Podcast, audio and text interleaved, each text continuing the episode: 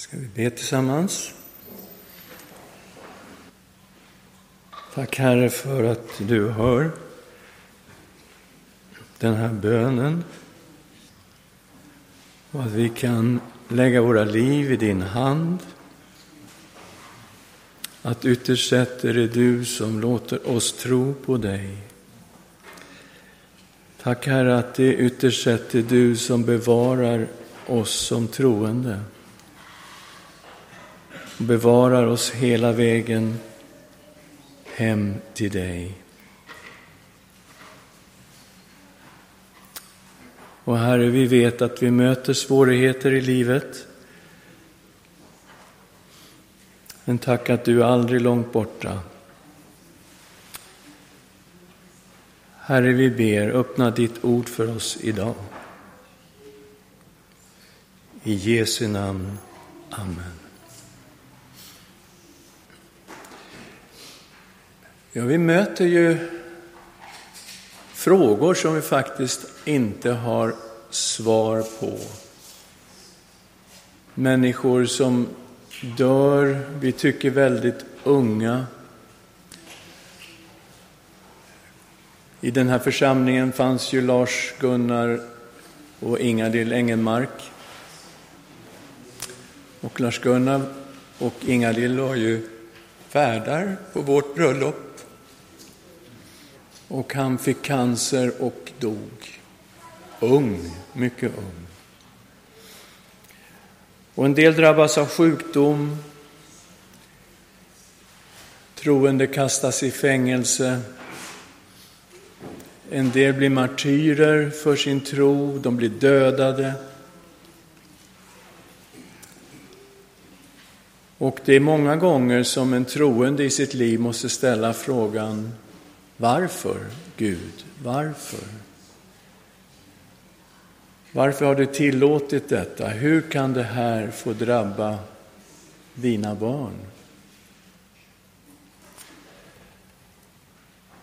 Och jag satt som rubrik på den här predikan Guds relation genom svårigheter och då får vi tänka oss att det finns många svårigheter. Och när jag ser ut över er, er här idag så vet jag att livet har inte alltid varit så lätt. Många av er har kämpat med många saker och gör det nu. Och då är det Jobs bok som har kommit för mig. En mycket speciell bok. Troligen den äldsta i Bibeln. Jag vet inte riktigt hur vi ska placera den här Jobb. Det står i första versen att han kom från Us, och det är inte så lätt att veta var Us var någonstans. Men genom olika vinklingar och så, så har man försökt hitta vad Us kan ha varit. Och ett förslag är att det faktiskt är så nära Israel som Edom. Edom låg ju precis öster om Döda havet.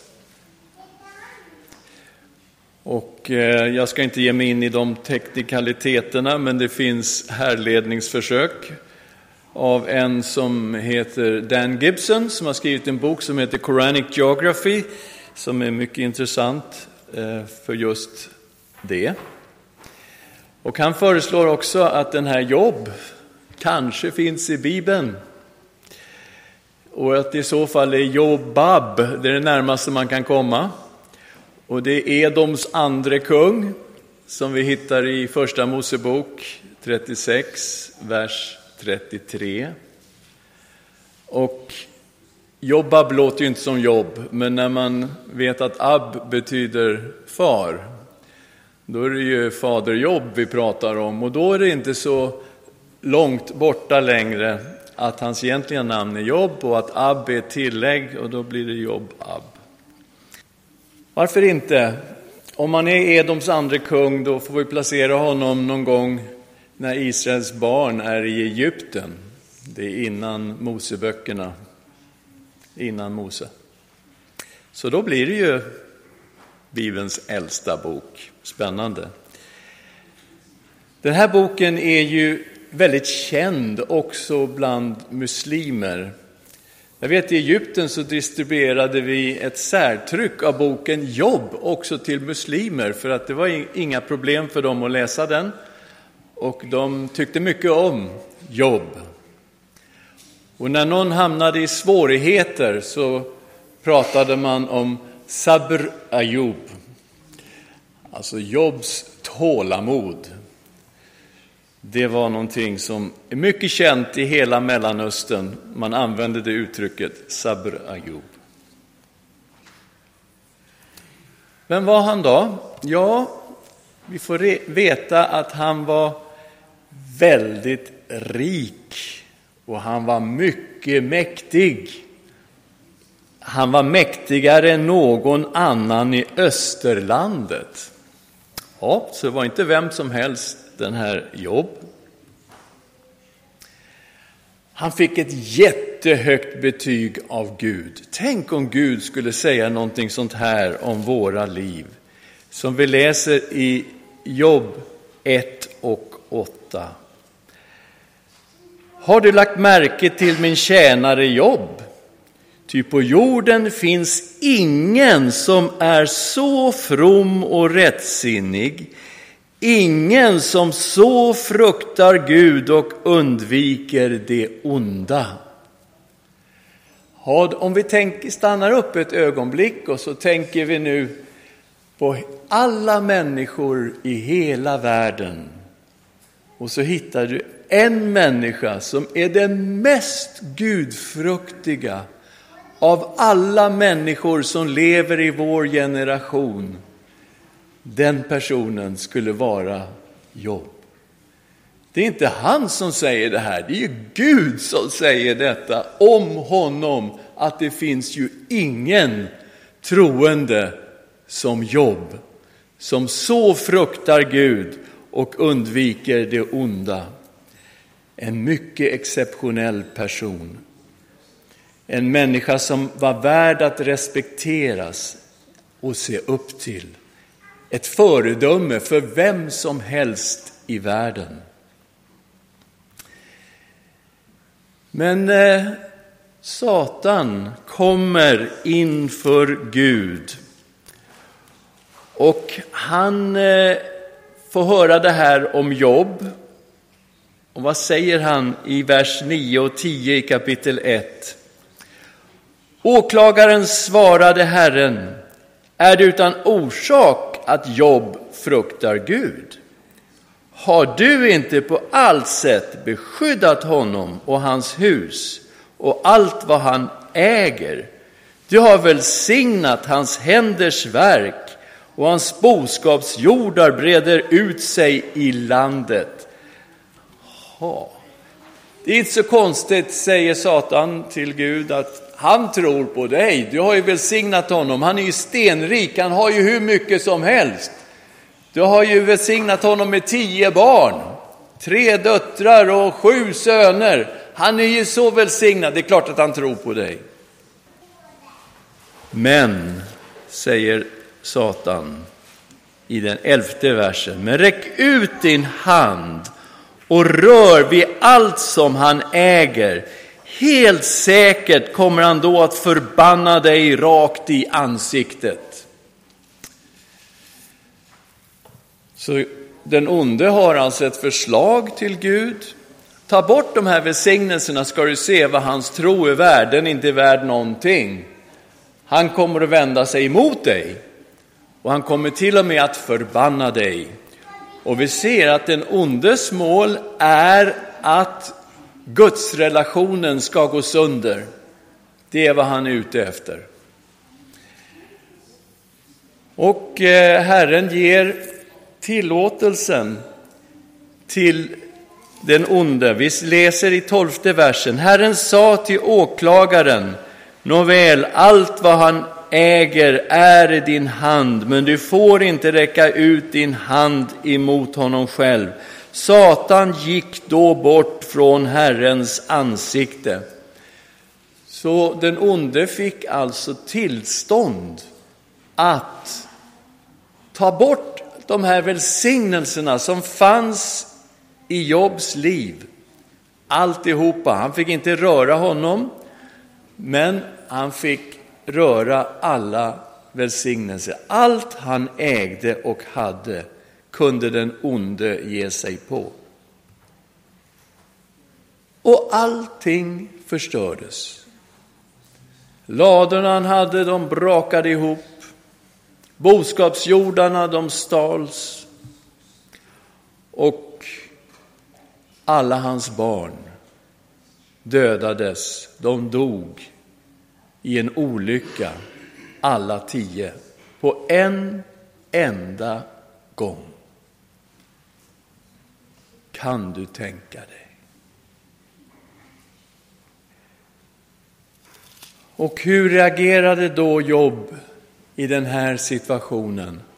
Tänk dig själv, du har varit så välsignad och du förlorar allt, till och med det dyrbaraste du har, alla dina barn på en enda dag. Har den onde rätt nu? Kommer han att vända sig mot Gud? Kommer han att förbanna Gud? Vi läser om Jobs reaktion i sin sorg.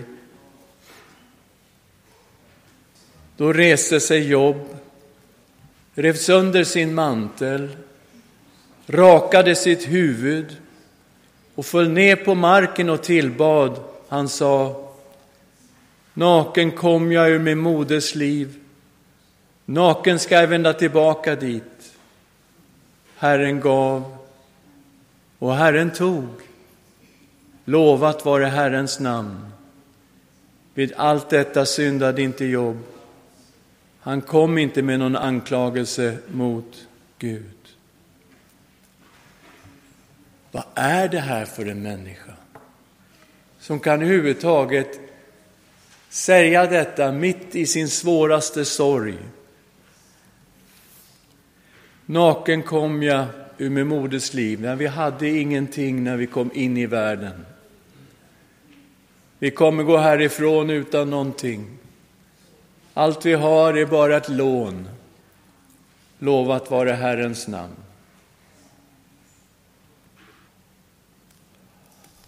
Och Jobb fick höga betyg ifrån Gud igen. I andra kapitlets tredje vers.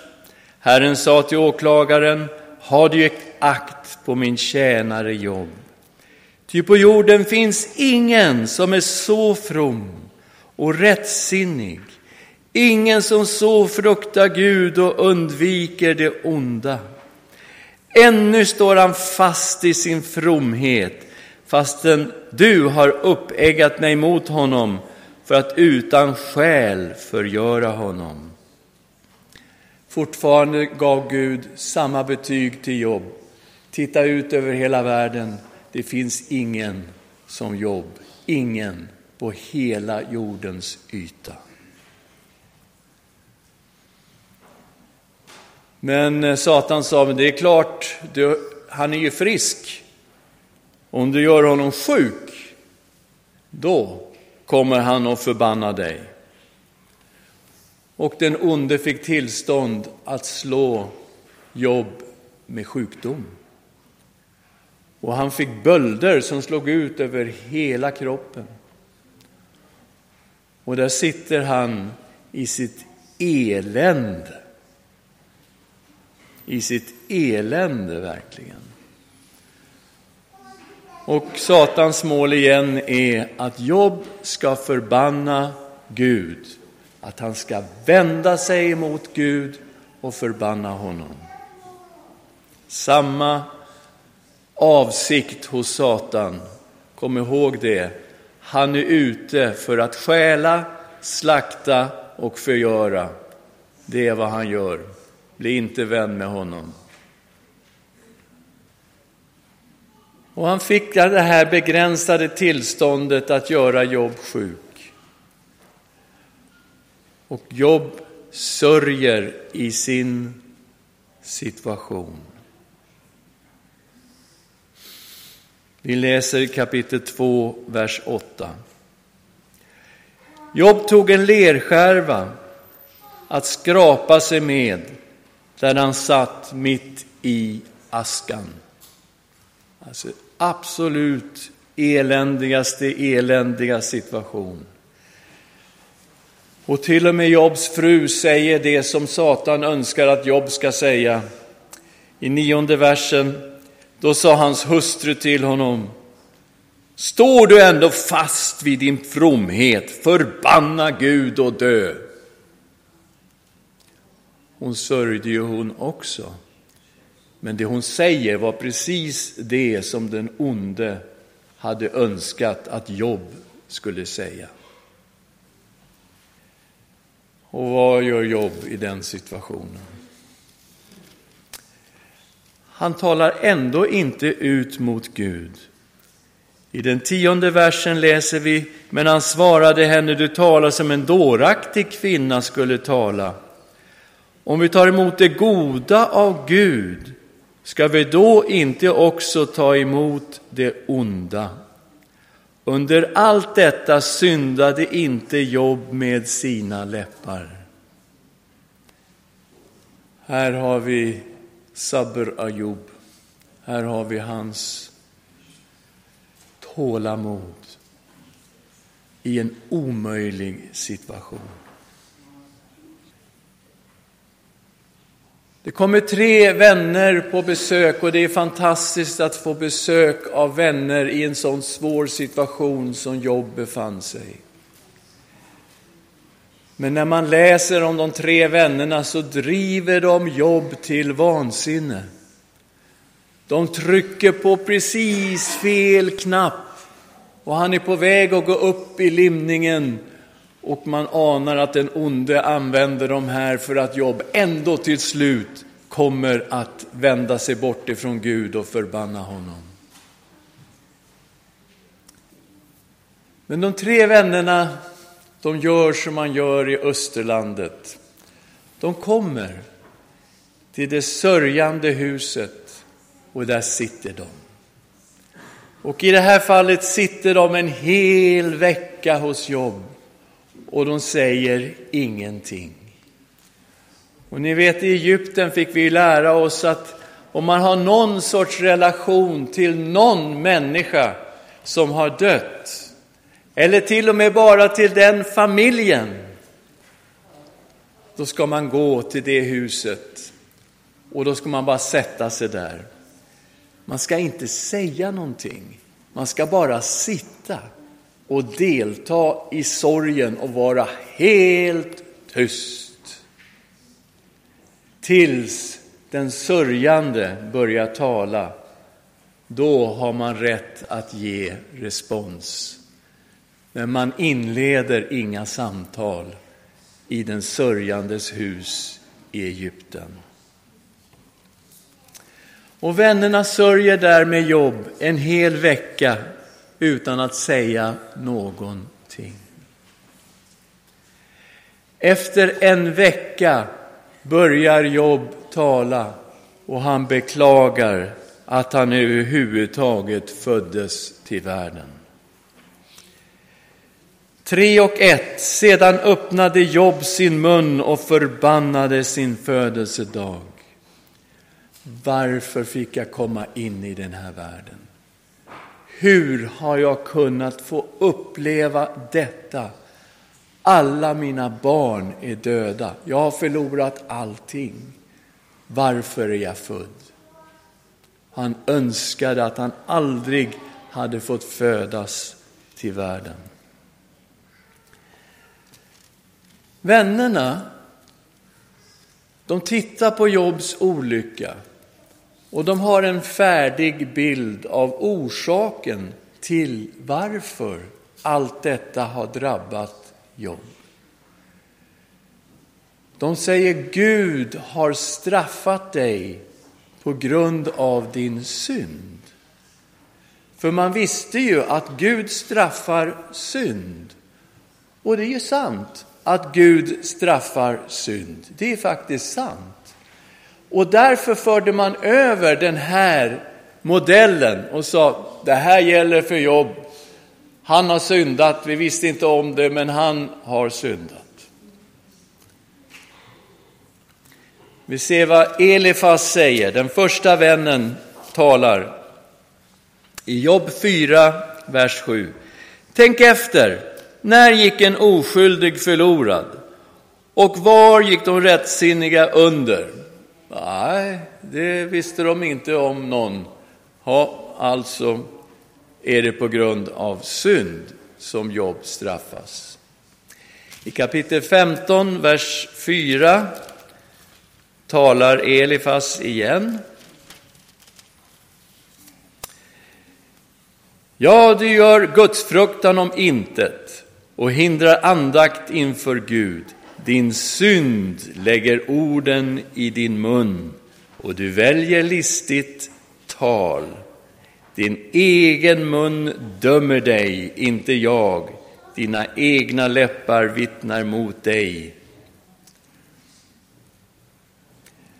De säger många bra saker, de här vännerna. Vi får inte glömma det. Mycket av det de säger är väldigt bra. Men de har den här tesen hela tiden att Jobb är straffad på grund av synd. Kapitel 8, vers 3 4 så är det Bildad som talar. Kan Gud kränka rättvisan, kan den allsmäktige kränka rättfärdigheten. Om dina barn har syndat mot honom, då ger han dem i deras våld. Därför blev barnen dödade på grund av deras synd. 18 kapitlet, vers 5 och lågan av hans eld inte ger något sken. Ljuset i hans tält ska bli mörkt och lampan slockna för honom. Hans väldiga steg ska bli kortare och hans egna rådslag fälla honom. Hans fötter leder honom till nätet. Han vandrar mot snaran. Snaran griper honom om hälen. Fällan håller honom fast. Ett rep har dolts för honom på marken, en fälla är lagd på stigen. Skräck möter honom från alla håll och jagar honom i hälarna. Olyckan hungrar efter honom, hemsökelsen är redo att fälla honom. Sjukdom äter upp hans hud. Dödens förstfödde uppslukar hans lemmar. Och det är alltså den som är ogudaktig som drabbas av detta. Och där sitter Jobb, hans hud är fullständigt förstörd, det finns bölder överallt. Och anklagelsen kommer på grund av ogudaktighet. Sofar talar också. De är ju tre vänner som talar. Och Sofar säger i kapitel 20, vers 4. Vet du inte att det alltid varit så, allt sedan människan sattes på jorden, att de ogudaktigas jubel är kortvarigt, att den gudlöses glädje varar ett ögonblick. Du har varit ogudaktig jobb. Du har till och med varit gudlös. Oj, oj, oj. Fortsätter i 20 kapitlet, vers 26. Idel mörker väntar hans ägodelar. En eld som ingen blåser på ska förtära honom. Den ska ödelägga honom. Den ska finnas kvar i hans tält. Himlarna uppenbarar hans missgärning och jorden reser sig upp mot honom. Allt i hans hus drivs bort som forsande vatten på vredens dag. Detta är vad den ogudaktiga människan får av Gud, den lott Gud har bestämt. Och så räknar de upp olyckorna och så säger de, den ogudaktige drabbas av det här. Och säger detta om Jobb, men kom ihåg vem Jobb är. Gud har ju sagt, om den här mannen att det finns ju ingen på hela jordens yta som är så gudfruktig som Jobb. Så det är ju någonting här som inte stämmer med det de säger om honom. Och Jobb håller fast hela tiden. Jag har inte drabbats av detta på grund av min synd. Han önskar ju att Gud ska avsluta hans liv. Han vill inte ens leva. Han tycker nu räcker det, Gud ta mitt liv, please. Och han vet i nionde kapitlet att ingen människa kan ha rätt emot Gud. Gud har alltid rätt. Om man för sin sak mot honom så har han alltid rätt. Så det vet han. Och han vet också att hans vänner har fel. Kapitel 16, vers 1-3. Då tog Job till orda och sa Detta har jag hört många gånger.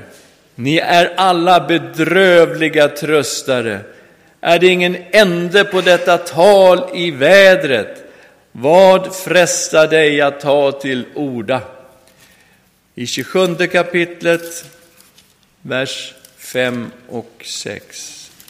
Aldrig kommer jag att ge er rätt. Till min död vidhåller jag min oskuld. Jag håller fast vid min rättfärdighet och släpper den inte.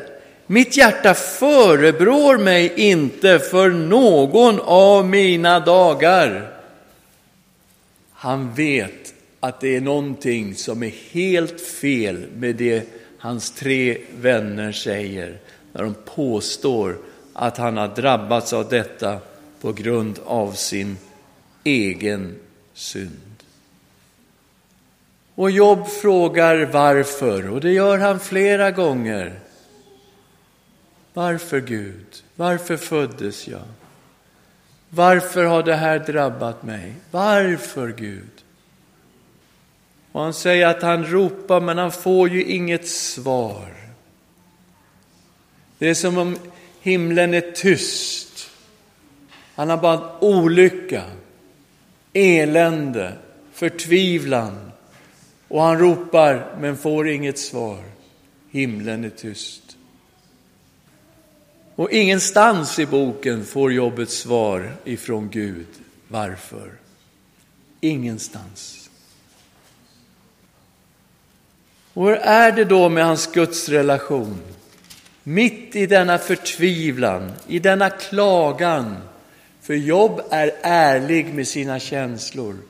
Han uttrycker verkligen inför Gud hur han upplever den här förtvivlade situationen.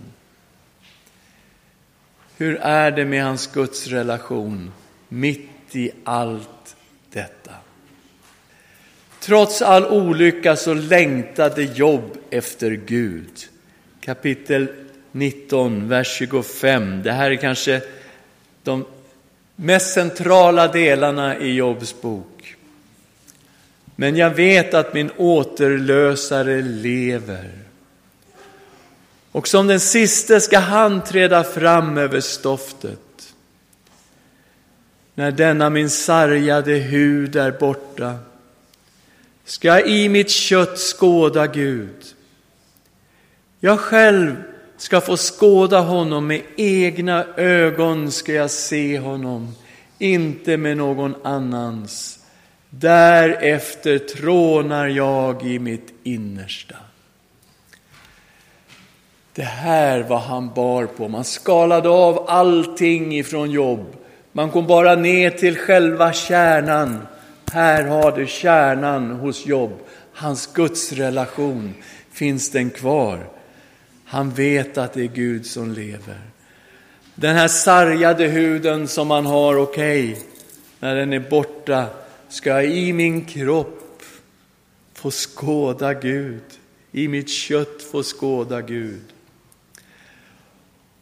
Och jag ska få se honom med mina egna ögon, inte någon annan ögon. Jag ska få se Gud. Det är det som jag längtar efter i mitt innersta, att få se Gud. Wow! Så kommer Gud och han talar till Jobb. I flera kapitel av boken så uppenbarar sig Gud för Jobb. Han talar till honom i stormvinden, står det. Och Gud beskriver sin storhet. Han beskriver skapelsen som han har skapat. Hur ofattbar stor skapelsen är och hur fantastisk skapelsen är i varenda liten detalj. Och Gud talar om vad han har gjort. Och Jobb, han får jag förstå, jag är ju bara en liten, liten del av Guds väldiga skapelse. Jag är ju inte mer än en människa. Gud är ju Gud och jag är en liten människa. Och trots all olycka som drabbades Jobb så var Guds relationen hel. Hans relation med Gud höll igenom alltihopa. Och Jobb svarar Gud som talar till honom. I 39 kapitlet så säger Jobb så här i 36 versen. Jobb svarade Herren och sade Jag är för ringa. Vad kan jag svara dig? Jag lägger handen på munnen. En gång har jag talat, men jag säger intet mer. Ja, två gånger, men jag gör det aldrig mer. Nu har jag inga ord, Herre. Kom ihåg vad han längtade efter, att få möta Gud personligen. Och här fick han göra det. Gud talade direkt till Job. och han lägger händerna för munnen. I 42 kapitlet svarar också Job. Job svarade Herren och sa, jag vet att du förmår allt. Inget som du beslutar är omöjligt för dig. Vem är den som döljer ditt råd utan förstånd? Jag har ju ordat om vad jag ej begrep, om sådant som var för underbart för mig som jag ej förstod. Lyssna nu så vill jag tala, jag vill fråga dig och du må ge mig kunskap. Titta på den här versen. Förut hade jag hört talas om dig, men nu har jag sett dig med egna ögon. Därför tar jag tillbaka allt och ångrar mig i stoft och aska. Han hade hört om Gud. Men hans längtan var ju att få se Gud, att få möta Gud. Och han säger nu har jag sett dig med egna ögon. Det räcker. Guds relationen, det var det som var det innersta hos Jobb, oavsett hur livet såg ut. Och Gud säger, Jobb hade rätt, men de tre vännerna hade fel.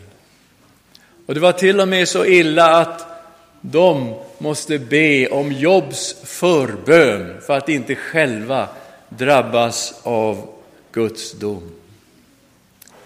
Och Job bad för dem och Gud hörde Jobs bön. Och så slutar boken med att Gud välsignar Job dubbelt upp. Han får dubbelt av allt det han hade förut och han får till och med dubbelt med barn för han får tio nya barn. Tre döttrar och sju söner. Och han blir så välsignad. Och boken slutar att Därefter levde Job 140 år och fick se barn och barnbarn i fyra led. Sedan dog Job gammal och mätt på att leva. Vad kan vi dra för slutsatser av en sån här fantastisk bok? Alltså vilket Vilken masterpiece, vilken litteratur! Skriven för mer än 3500 år sedan. Jag menar, kom igen, i Sverige för drygt tusen år sedan höll vi på att rista lite runor på stenar som säger här gick Eskil över bron eller något sånt här. Titta på den här, 3500 år sedan i Bibeln. Vilken masterpiece! Otroligt! Slutsatser från den här boken. Gud är Gud och vi är bara människor. Kom ihåg det. Dra aldrig ner Gud. Håll honom stor. Han är Gud. Han är skapare av himmel och jord. Han är universums Herre. Han är Gud. Vi är bara människor. Jobb fick aldrig veta varför han drabbades av all olycka. Trots sina frågor. Och det är inte säkert att du får göra det heller. Du kanske drabbas av oerhört svåra saker. Och du frågar Gud varför. Det är inte säkert att du får svar på den frågan. Vi vet från boken att Jobs olycka berodde inte på hans synd. Så var försiktig. När du ser någon i din närhet lida, säg inte Gud har straffat dig för din synd. Var försiktig. Vi vet att Gud straffar synd. Det är ingenting som är obekant. Det står på många blad i Bibeln. Men var försiktig. För i Jobs situation var det inte så att det var på grund av synd han fick uppleva all denna olycka. Satan var begränsad. Han kunde inte göra mer än vad Gud tillät honom göra. Gud är den allsmäktige, det är han som har makten. Satan har inte makten. Hans makt är bara begränsad till vad Gud tillåter, inte mer än detta. Satans mål var att förstöra Jobs relation med Gud. Och det är det han är ute efter i våra liv. Stå honom emot. Sök Herren. Kom ihåg, Jesu blod renar ifrån all synd. Vad gör vi om vi syndar? Den onde vill att vi ska bara gå omkring och fördöma oss själva och säga du är värdelös. Du är en så dålig kristen. Gud tycker inte om dig längre. Och du är urkass. Fördömelse, fördömelse, fördömelse. Det är vad den onde vill att vi ska tänka. Han är åklagaren, anklagaren. Vad gör vi då? Gå till Jesus. Omvändelse, bekännelse, ta emot nåd och förlåtelse i Jesu blod och fortsätt med Herren. Fortsätt med Herren. Jesu blod renar från all synd. Jobs relation med Gud bestod genom alla svårigheter. Kristna sitter i fängelse idag. Kristna blir martyrer idag. Kristna möter svårigheter på så många olika sätt. Men djupt här inne bor den heliga Ande och vår Guds relation.